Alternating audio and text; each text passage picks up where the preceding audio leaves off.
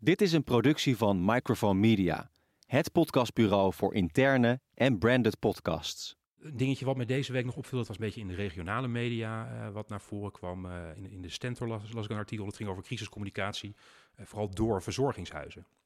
Dat de, de, directeuren van verzorgingshuizen in de, in de, in de Overijsselstreek toch worstelen met of zij wel of niet transparant moeten communiceren over het aantal besmettingen en het aantal doden in, in hun verzorgingshuis. En dat er best wel anders door verschillende verzorgingshuizen op wordt gereageerd. De ene directeur zegt ja, wij zijn hier transparant en open over. Terwijl anderen zeggen ja, maar we willen mensen niet banger maken dan dat ze al zijn. En ja, de privacy van onze bewoners is ook heel belangrijk.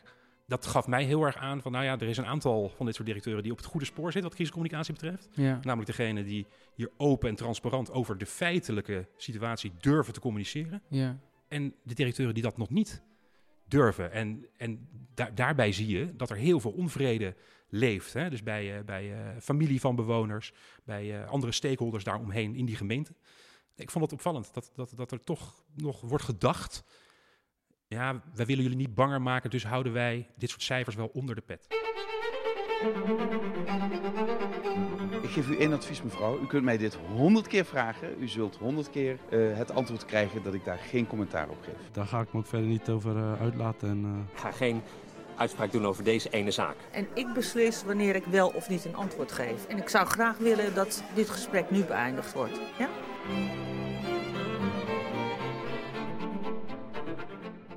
Dit is Geen Commentaar. Een podcastserie over crisiscommunicatie. Seizoen 2, aflevering 5. Mijn naam is Frank Romer. Leuk dat je luistert. Een nieuwe week en dus ook een nieuwe podcast over de laatste gebeurtenissen op het gebied van coronacommunicatie. Want werkt de crisisstrategie? Hoe communiceren onze politici en behoudt het volk zijn vertrouwen?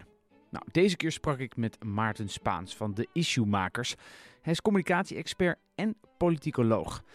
Nou, na het paasverhaal van vorige week terug naar de politieke arena. Want we staan voor lastige keuzes de komende weken. Politieke keuzes. Zeker nu we over de IC-piek lijken te zijn. En hoe lastiger de keuze, hoe zwaarder en moeilijker de boodschap. Maar ik moet niet op de zaken vooruitlopen. Dus laten we beginnen met de vraag die ik altijd aan mijn gasten stel. Wat is jouw moment van deze week? Ja, van de tussenweek, hè? Ja, de tussenweek. De tussenweek. Brand. Ja, nou ja, goed. Dus, dus je zou bijna zeggen, het, uh, de persconferentie van Rutte en, uh, en de jongen was het misschien wel niet. Omdat daar uh, ja, eigenlijk toch niet iets heel nieuws werd verteld. Nee. We werden niet gemaand om nieuwe, nieuwe maatregelen in acht te nemen. We werden wat bemoedigend toegesproken. Er werd wat procesinformatie gegeven. Hè, waar, waar, staan we nu en hoe kunnen we een beetje vooruitblikken als we zometeen de maatregelen weer iets los moeten laten? Ja, maar heel spannend was het eigenlijk niet uh, gisteren. Nee. Ik denk volgende week dan gaat het uh, ja, spannender worden, want dan horen we toch wat meer over uh, eventuele versoepelingen van de maatregelen. Ja, dus geen moment voor jou deze week? Nou, nee. Nou, wat ik opvallend vond is dat de jongen niet heel erg in is gegaan op eigenlijk toch wat ophef van vorige week. Hè, een aantal weken geleden had je hier ook een omgevingsanalist die zei, er wordt goed gekeken naar wat speelt er in de samenleving de reacties op um, wat de jongen vorige week zei over um, uh, voldoende bescherming in bijvoorbeeld verzorgingshuizen, was niet mals. Er zijn deze week toch behoorlijk veel mensen naar voren gekomen die hebben gezegd, nou, met die bescherming in verzorgingshuizen is het helemaal niet zo goed gesteld. En uh, er zijn daar echt flinke brandhaarden die we misschien nu helemaal niet zien. En daar werd gisteren niet op teruggekomen. Gisteren ging het, als, als het ging over beschermingsmiddelen, ging het vooral over hè, de, de, de maatregelen die België en Duitsland nu nemen. ja, de mondkapjes. De mondkapjes, hè, voor, voor mensen op straat, als ze zometeen weer op straat dingen gaan doen. Maar er werd eigenlijk niet ingegaan op hoe zit het nou met die verdeling van beschermingsmiddelen in bijvoorbeeld verzorgingstehuizen of bij de thuiszorg. Is het nou slim of is het nou eigenlijk dat je denkt, ja, maar dit issue, dit, dit leeft wel heel erg? Ja, ja ik, ik vind het dan ook niet slim. Kijk, ze hebben natuurlijk een keuze gemaakt om het niet te benoemen. Ze zijn heus wel op de hoogte van het feit dat hier, hier uh, onrust over uh, bestaat in de samenleving. Um, ik vind het niet slim dat ze daar niet, dat niet geadresseerd hebben. Ook al hebben ze de oplossing nog niet voorhanden. Uh, hoe we met deze schaarsituatie tot een andere spreiding kunnen komen. Of hoe we de mensen in verzorgingshuizen ook goed kunnen beschermen of in de thuiszorg. Um, maar ik denk door het niet te adresseren, dat, dat, je hier bovenop zit. Um, ja, woekert, die, die onrust, woekert verder. En zal je denk ik in de komende week daar nog veel meer verhalen over gaan horen. Hè, mensen die de, de noodklok luiden. Ehm, en wordt het steeds prangender. Deze week was dus echt een tussenweek met weinig nieuwe informatie. Meer van hetzelfde. Hou afstand en alleen samen krijgen we corona onder controle. Tja, terwijl aan de andere kant er steeds meer berichten komen, steeds meer onrust komt over de gevolgen van die intelligente lockdown. De maatschappelijke en economische gevolgen. Het IMF zegt: grootste recessie sinds de jaren 30.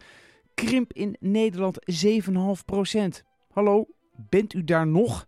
De vraag is dan ook: verliezen onze leiders niet de grip?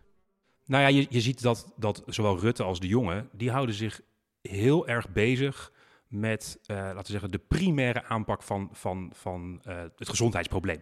Hè, dus hoe, ja, hoe staan de ziekenhuizen ervoor? Hoe kunnen we het op, hè, ja, in de ziekenhuizen op de, de intensive cares behapbaar houden? En daarnaast zie je natuurlijk dat Rutte ook wel een, een, een boodschap heeft van... jongens, hou vol, dit, dit blijft belangrijk. Ehm, maar je ziet nu dat andere ministers al iets meer bezig zijn met de toekomst. Dus Rutte en de jongen zijn met het primaire proces bezig. En gisteren zijn er nou ja, drie ministers geweest die nieuwe maatregelen hebben aangekondigd, of nieuwe, nieuwe steunmaatregelen. Hè? Ja. Dus zowel in de cultuursector als de landbouw.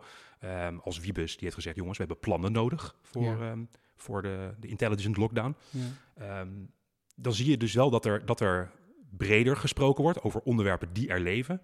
Alleen dat ligt dan niet primair bij Rutte en de jongen. Daar, daar ligt het primair nog bij de crisisbeheersing van het gezondheidsprobleem. Aan de andere kant, eh, eh, ik begrijp die strategie, maar je zou ook kunnen denken, het is best wel gevaarlijk, want journalisten gaan dan vragen aan die ministers, die er eigenlijk niet zo over gaan, van ja, hoe zit het met de maatregelen? Dat zag je dus ook bij Dit is M. Daar zat eh, onze cultuurminister, mevrouw van Engelshoven, die werd natuurlijk bestookt met dat soort vragen. Ze liep ook een beetje rood aan. Dat lijkt me ook een, toch een risico om zo'n strategie te kiezen. Dat je dus anderen een beetje in de slipstream laat meekomen. Ja, ik, maar ik denk dat het heel goed bepaald is binnen het kabinet eh, wie de woordvoering doet over welk onderwerp. En dat de ministers van Cultuur of Landbouw weten dat zij eh, geen uitspraken moeten doen ehm, over andere onderwerpen. Hè. Dat, dat ligt gewoon primair bij, bij, ja, bij, bij Rutte en bij de jongen in dit geval. Ehm, dat je die vragen krijgt, ja, dat is logisch. Ja. Ehm, en da- ja, daar, daar zullen zij eh, mee om moeten gaan. Maar dat betekent niet dat zij niet moeten communiceren over dingen die in hun sectoren ehm, nu ook spelen. Of die, die ook heel belangrijk zijn. Dus jij zegt, eh, ze kunnen beter gewoon wel aan tafel zitten, wel aan, bij die talkshows gaan zitten. En ja, ze, waarschijnlijk krijgen ze de eerste vijf minuten allemaal vragen waarop ze geen commentaar kunnen. Ja, ja eigenlijk is dat zo. En, en ja, geen commentaar, dat is natuurlijk... Hè, Nou, klinkt een beetje bot, maar Precies. ze kunnen er niks over zeggen. Nee, klopt, klopt. Dan, dan, dan wordt dus echt ook wel, en ja, terecht ook wel, verwezen naar, eh, naar in dit geval de crisisleiders, Rutte en de Jonge.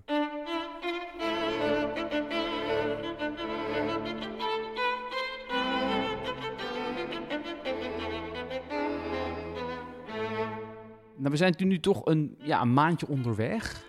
Hoe zie jij dat sentiment nu in de samenleving?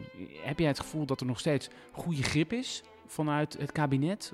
Nou, ik denk, ik denk dat de, de, de eerste reacties op de manier waarop dit kabinet het aanpakt heel positief waren. Ehm, eh, en ik denk ook dat ze het goed gedaan hebben.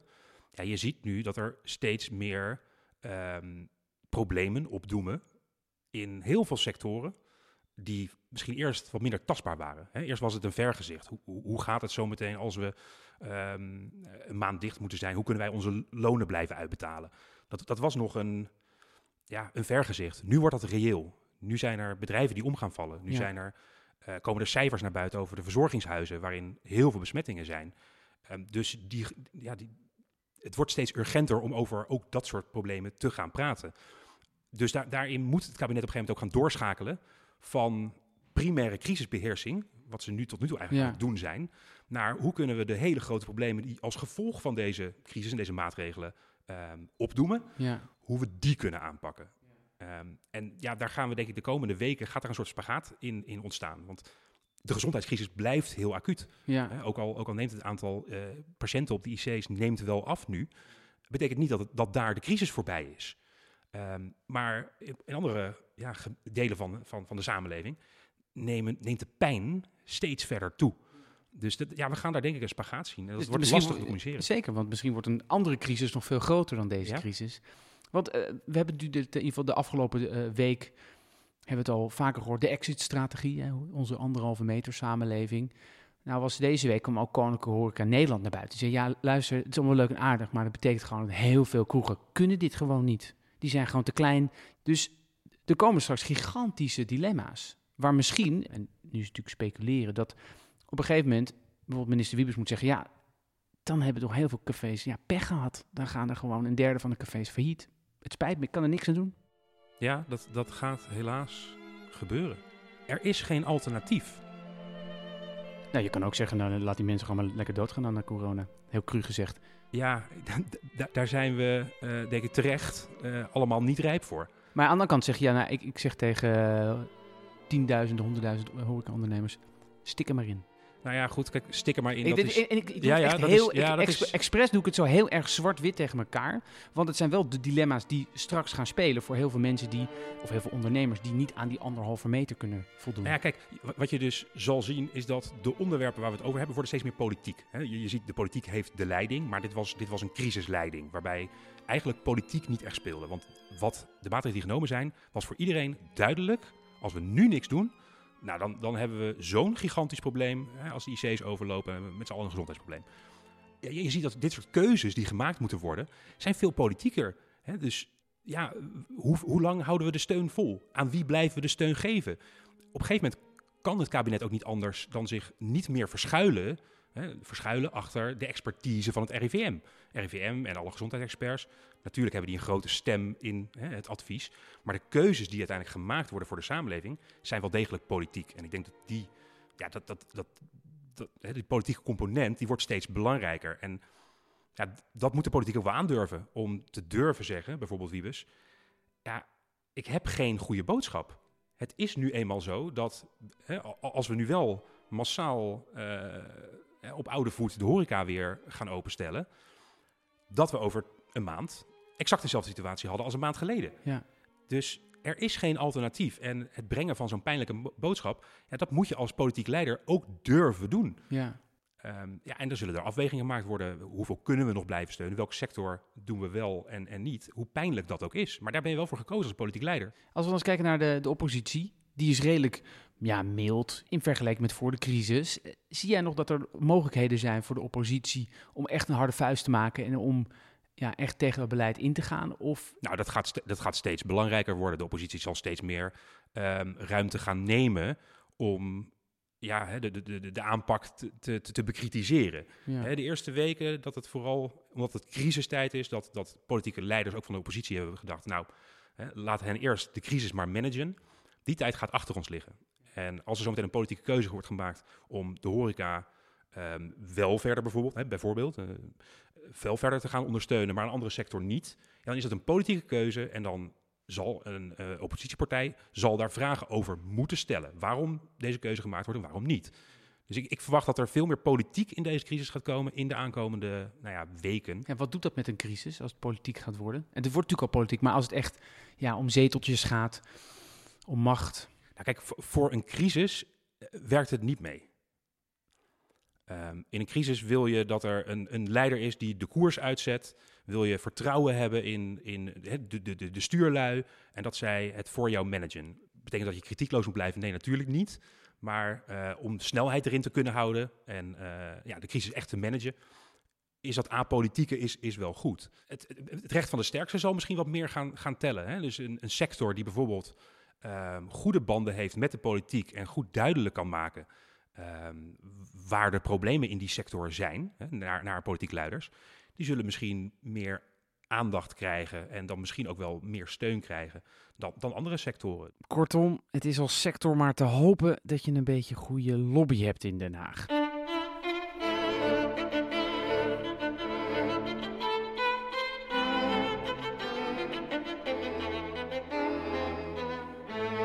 In deze coronacrisis helpen Maarten en zijn issuemakers verschillende bedrijven en organisaties met hun communicatie.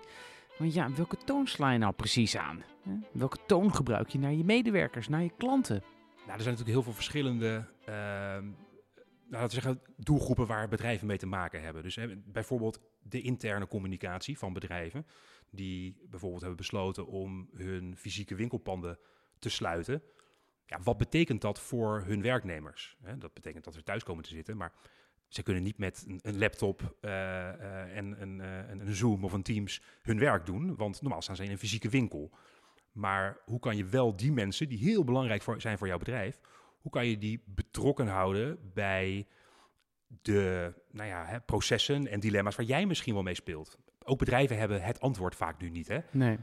die weten ook niet, die kunnen ook niet in een glazen bol kijken.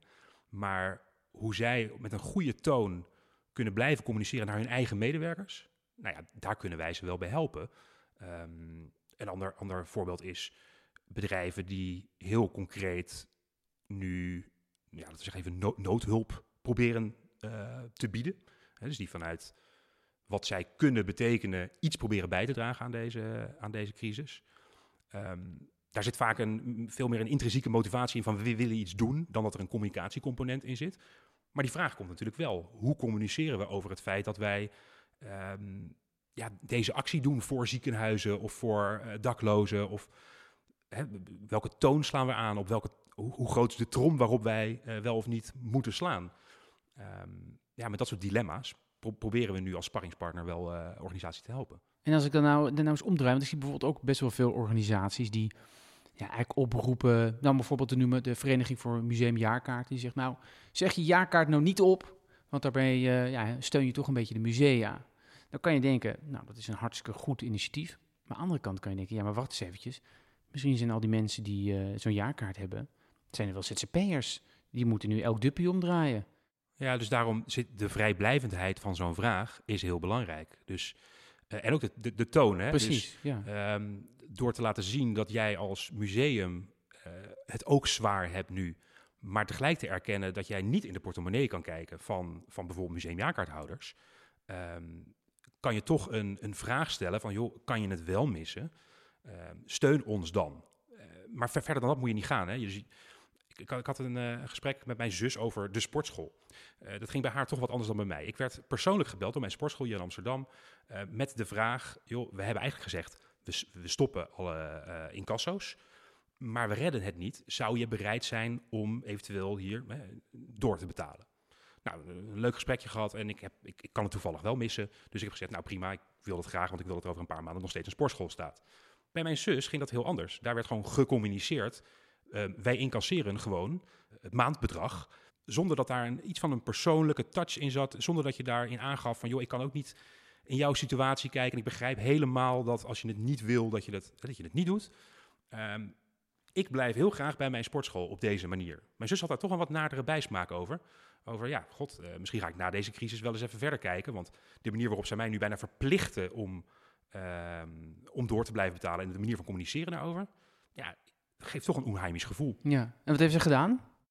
Nou, voor nu uh, heeft ze uh, gezegd: Oké, okay, ik, oh. ik blijf, blijf, nu bij jullie.